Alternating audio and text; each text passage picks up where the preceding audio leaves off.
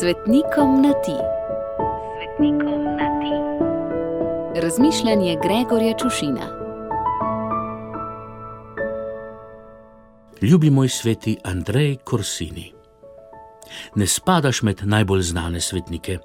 In če bi te že kdo uzrl namalenega na kakšni oltarni sliki, crkveni kupoli ali steni, bi te zmotno lahko imel za preroka Izaija.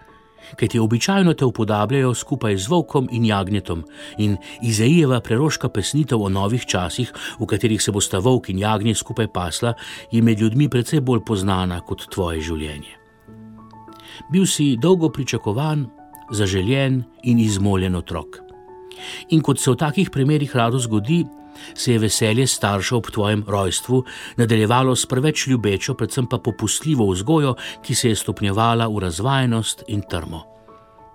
Na starševska svarila pa si odgovarjal s kljubovanjem in zmerjanjem. Potem pa ti je užaloščena, sklepam pa, da predvsem do kraja utrujena in naporov naveličena mati razkrila sanje, ki jih je imela na noč pred tvojim rojstvom.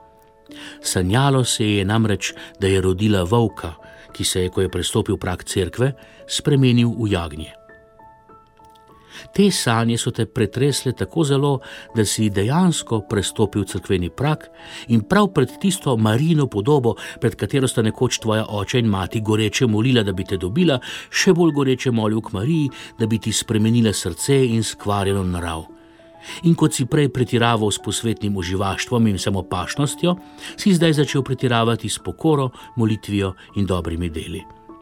A ker so to reči, ki so povezane z ljubeznijo do Boga, z ljubeznijo do Boga pa nikoli ne moremo zadosti pretiravati, se je tvoje življenje obrnilo v pravo smer.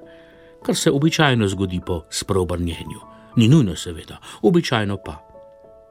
Ko takole pri sebi premišljujem tvojo zgodbo, ljubi moj sveti Andrej, mi je takoj malo bolj jasno, zakaj iz srečanj z nekaterimi ljudmi odhajam dalje ranjen, oblajan in z raztrgano dušo. Kako bi sploh lahko bilo drugače, ko pa me je v kremplji dobil razvajen volk? Kako naj se v bogojagnje branim? No, malce pretiravam, priznam, kajti če sebe razglasim za obogo jagnje, spravim v smeh vsaj svoje domače, če ne že kar bližnjo in daljno okolico. Se tale samo oklicani jaganček dosti krat pokaže močne ovnovske roge, ki so kos krdelu, ne le osamljenemu volku.